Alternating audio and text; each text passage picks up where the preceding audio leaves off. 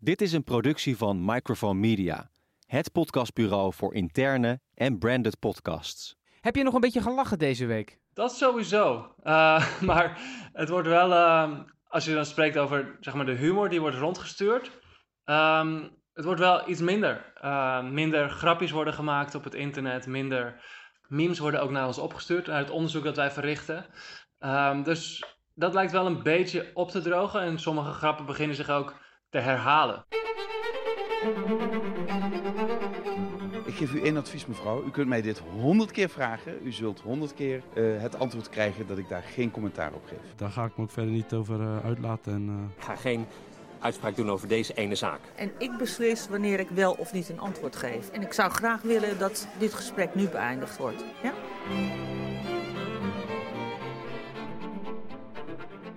Dit is Geen Commentaar. Een podcastserie over crisiscommunicatie. En dit is seizoen 2, aflevering 6. Mijn naam is Frank Kromer. Leuk dat je luistert. In deze serie blikken we terug op de laatste gebeurtenissen op het gebied van coronacommunicatie. Want werkt de crisisstrategie? Hoe communiceren onze politici en behoudt het volk zijn vertrouwen? Ja, na de tussenweek was het deze week weer volle bak. Want ja, die coronacrisis duurt maar en duurt maar. Inmiddels zitten we, zoals Rutte bekend maakte op de persconferentie, tot zeker 20 mei in de intelligente lockdown. Oké, de basisscholen mogen deels weer open, maar de economie ligt nog steeds op zijn dode, dode gat. En de IC's zitten nog steeds vol. En de maatschappelijke tol wordt dus ook steeds groter. Tijd dus, dacht ik, om eens iemand te spreken die nog een beetje kan lachen om deze situatie. Communicatiewetenschapper Mark Boukes doet aan de UvA onderzoek naar humor in tijden van corona. Ik sprak Mark via Zoom. Ja, ik weet het, onze privacy ligt op straat. Maar voordat we gaan moppen tappen, eerst de terugblik.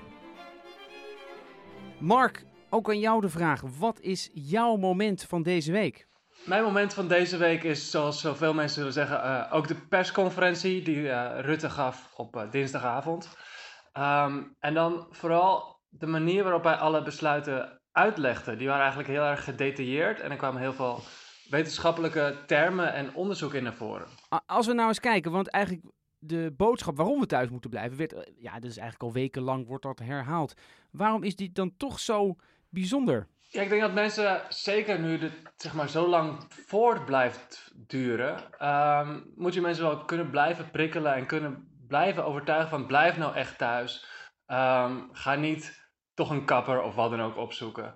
En de, zeg maar, een, een rationele manier zou er heel erg aan bijdragen. Dus als het alleen maar op de emoties zal laten, dan zijn mensen op een gegeven moment wel klaar mee. Maar als je de mensen echt weer ervan overtuigt hoe belangrijk het is, um, dan kan dat inderdaad een, een, versterkend effect hebben. Omdat mensen dan toch nog even die drie, vier extra weken uh, aan thuis uh, gebonden te laten zijn. We, we, zagen ook een ja, emotionelere Rutte. Althans, of hij het echt was of dat hij het speelde, dat weet ik niet helemaal. Maar hij toonde meer emotie. Klopt, ja. Ja, en ik denk dat het bij veel mensen ook wel is aangekomen als je de, de publieke reacties eigenlijk zag. Um, en het is voor hem natuurlijk ook heel erg moeilijk, aangezien hij normaal gesproken toch de, de premier is die zich vooral op economische zaken heel erg hard maakt, dat hij daar nu zaken moet laten, ja, um, moet laten liggen um, om de volksgezondheid garant te kunnen stellen. Um, maakt het misschien voor hem nog moeilijker dan voor een andere premier of politicus die andere prioriteiten heeft. In verschillende media zie je nu verhalen oppoppen over het ongemak bij de experts die het kabinet adviseren. Je weet wel, die lui uit het OMT. Ze zijn door Rutte op het schild gehezen. Onze minister-president roept de hele tijd: ik vaar op de adviezen van mijn experts. Maar ja, daarmee ontstaat wel de suggestie dat de experts indirect de beslissingen nemen. En die rol vinden zij niet echt prettig. Nou, wat ik denk wat vooral heel lastig is, is dat de experts het onderling niet eens zijn. Dus als uh, de premier zegt, ja, ik volg de experts, dan volgt hij bepaalde experts. Uh, maar gaat hij misschien ook wel in tegen adviezen van andere experts. En dat maakt het voor heel veel mensen misschien ook alweer ingewikkeld om precies te volgen van waarom doen we nou bepaalde zaken en waarom moet ik me echt aan die adviezen gaan houden. Want ja, als je Rutte uh, zijn verhaal volgt, dan is dat allemaal heel overtuigend. Want nou ja, het zijn adviezen van experts die ook goed worden uitgelegd. Maar als je vervolgens naar M of naar Jinek of naar Op1 gaat kijken, en er zitten weer andere experts met andere ehm, ja, voorkeuren over hoe deze lockdown uh, uiteindelijk uitgevoerd zou moeten worden, ehm, dan kan het heel erg verwarrend werken. Omdat ja, je hoort verschillende kanten, verschillende soorten informatie. En dan gaan mensen uiteindelijk ook met hun eigen, ja, hun eigen mening daaraan koppelen. En denken van, nou, ik vertrouw meer op die dan op die ander. En dan ja, zullen sommige mensen misschien wel meer uh, het uh, regeringsbeleid volgen en de anderen misschien wel minder. Um, als je nou die persconferentie een cijfer zou moeten geven, want het is toch geen prettig nieuws. De dag daarna hoorde je ook natuurlijk uh, Koninklijke Horeca Nederland, uh, VNO-NCW. Ja, die gaan nu echt tamtam -tam maken. Aan de andere kant is er ook een ja, klein beetje hoop. De basisscholen mogen slash deels weer open. Kinderopvang. Wat voor cijfer zou je deze persconferentie geven?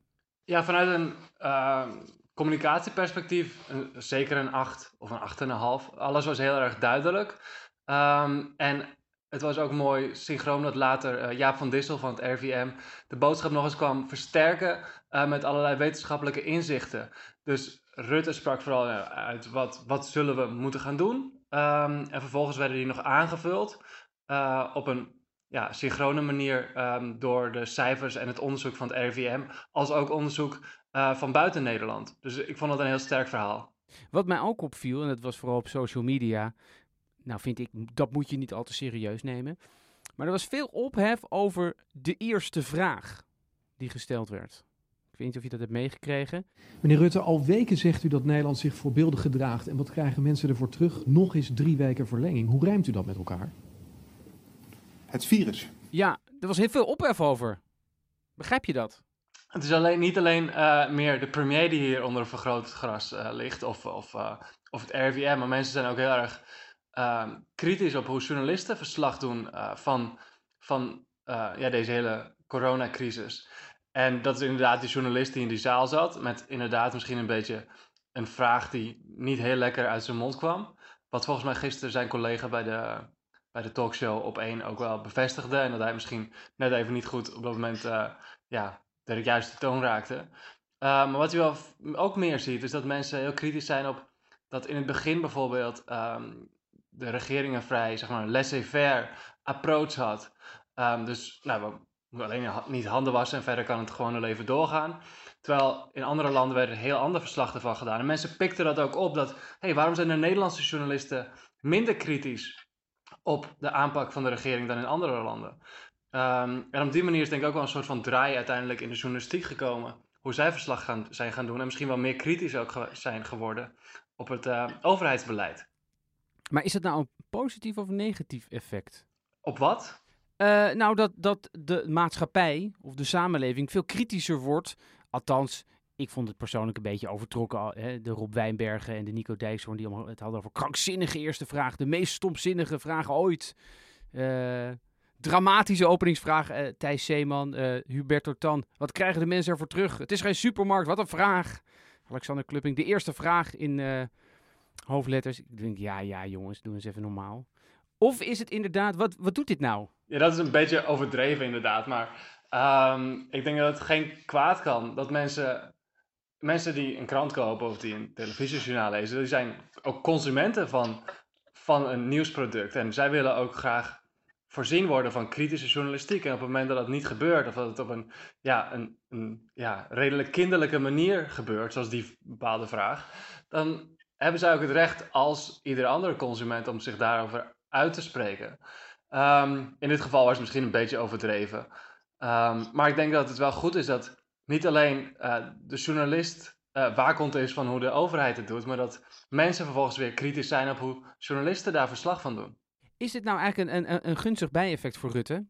Is dat nu alle focus vooral op die journalist kwam? Ja, dat denk ik niet dat het heel erg zo heeft meegespeeld. Dat mensen uiteindelijk, dat is gewoon een van de zijdingen die ook speelden. Maar uiteindelijk hebben alle mensen de boodschap van Rutte wel meegekregen. En ook vervolgens um, de kritiek die later is nou, min of meer losgebarsten vanuit economisch perspectief daarop. Uh, misschien nog wel versterkt gisteren door de meneer die in het NOS-journaal van de, de meneer van de ziekenhuizen, um, die zei, nou wat ons betreft zou het misschien wel eerder uh, wat flexibelere uh, maatregelen genomen kunnen worden.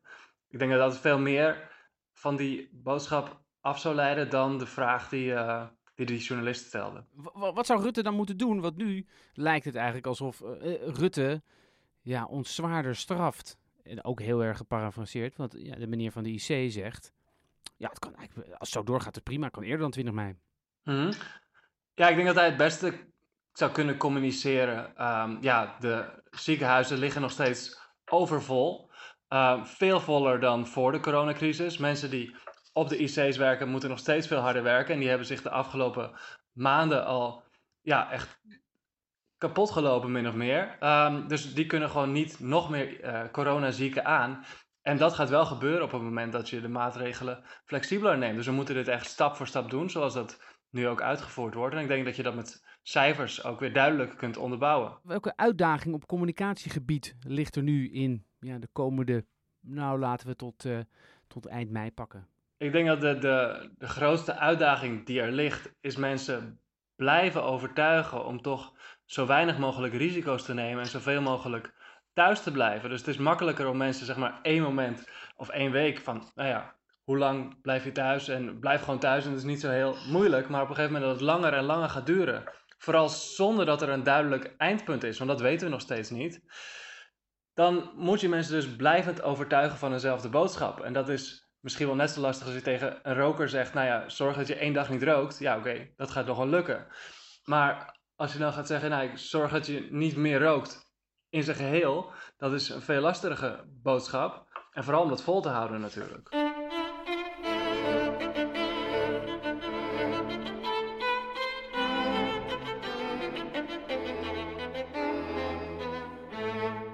Goed, tijd voor grappenmakers.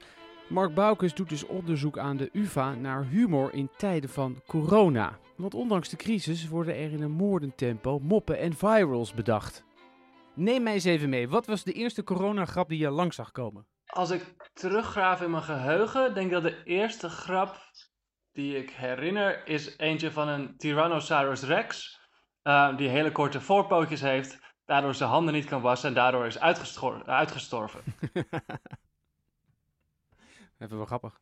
Vertel eens, want, want, jij doet onderzoek naar, naar humor in tijden van corona. En dan moeten we het vooral over corona-humor. Ja, hoe heeft zich die ja, ontwikkeld? Ja, het heeft heel erg mooi eigenlijk meebewogen met, met het nieuws over het onderwerp. Dus in het begin ging het, oh nou, nog even terugkomen op de eerste grap die ik misschien zag, waren dus inderdaad grapjes over het corona bier, het merk. Um, en bijvoorbeeld um, allemaal verschillende soorten bierflesjes en corona die dan erbuiten wordt gezet door de andere um, biermerken. dat was eigenlijk het eerste. Dat is misschien ook het eerste waar je aan denkt als je corona hoort. vervolgens gingen heel veel grappen over het handen wassen. later over het thuiswerken. Het met je familie opgescheept zitten. al zulke zaken waar je eigenlijk mee geconfronteerd werd naarmate de crisis urgenter en prominenter werd in mensen hun leven. Ehm, dus dat is eigenlijk wat je ziet. Het bewoog heel erg mee met wat er in het nieuws was en hoe mensen zelf de crisis uh, ervaarden. En, en, en, nu is het dus een beetje opgedacht. Ik zag bijvoorbeeld die anderhalve meter samenleving, zag ik filmpjes van iemand die een biertje kwam brengen op het terras en op anderhalve meter het gooide als het ware. Klopt, ja. Ja, die heb ik vorige week eigenlijk al gezien. Um, ik zag vandaag of gisteren wel een, uh, een clipje van iemand die eindelijk zijn kinderen weer naar school kon brengen. Die werden allemaal uit de auto gemekkerd eigenlijk. Um, en dat zijn wel dingen die je nu ziet. Dat soort van, yes, die kinderen gaan weer ons uh, een beetje met rust laten. Waarom vind je dat interessant? Humor, of corona-humor? Wat het interessant maakt voor dit onderzoek, is dat het uh, landen vergelijkend onderzoek kan opleveren. Dus in corona raakt bijna alle landen ter wereld. Um, in allerlei landen worden ook grappen gemaakt over het onderwerp. En normaal gesproken is het heel erg lastig om humor en om grappen die maken, uh, mensen maken uh, met elkaar te vergelijken. Omdat mensen maken grappen over verschillende onderwerpen. Of iets is meer of minder prominent in een, ander, in, in een of ander land. Uh, maar nu heb je het, nou ja, tussen aanhalingstekens, het mooie geval dat iedereen in alle landen op hetzelfde moment uh, met dezelfde middelen grappen maakt over hetzelfde onderwerp. Dus je kunt heel mooi vergelijken hoe humor per cultuur verschilt.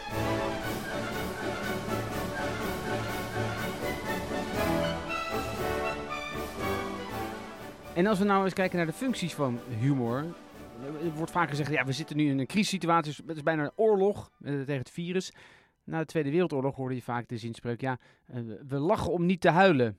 En die, dat had toen een hele duidelijke functie, die humor. Ja, nee, ik denk dat dat nu nog steeds zo is. En uh, als je spreekt met mensen uit allerlei stressvolle beroepen, um, bijvoorbeeld brandweermannen, mensen op, uh, in ziekenhuizen, dan, aangezien zij ook met zoveel stress continu te maken hebben, komt er bij hun ook heel vaak humor voor om met die stress om te kunnen gaan. En dat is niet alleen voor, voor mensen die zoveel stress meemaken, maar we weten gewoon uit onderzoek dat um, een grap ons even kunnen laten lachen, kan onze zinnen even verzetten. Dus als je er continu met een bepaald onderwerp geconfronteerd wordt, zoals alle mensen op dit moment met corona, dan kan een grap je even er, zeg maar, je blijft bij hetzelfde onderwerp, maar je kan even afgeleid worden. Even kan die stress naar beneden en je kunt makkelijker met de situatie omgaan. Dus dat is een van de redenen waarom humor in zulke gevallen vaak uh, wordt gebruikt. En hoe ontstaan, want ik neem aan dat je vooral dan uh, afbeeldingen krijgt, video's, uh, virals.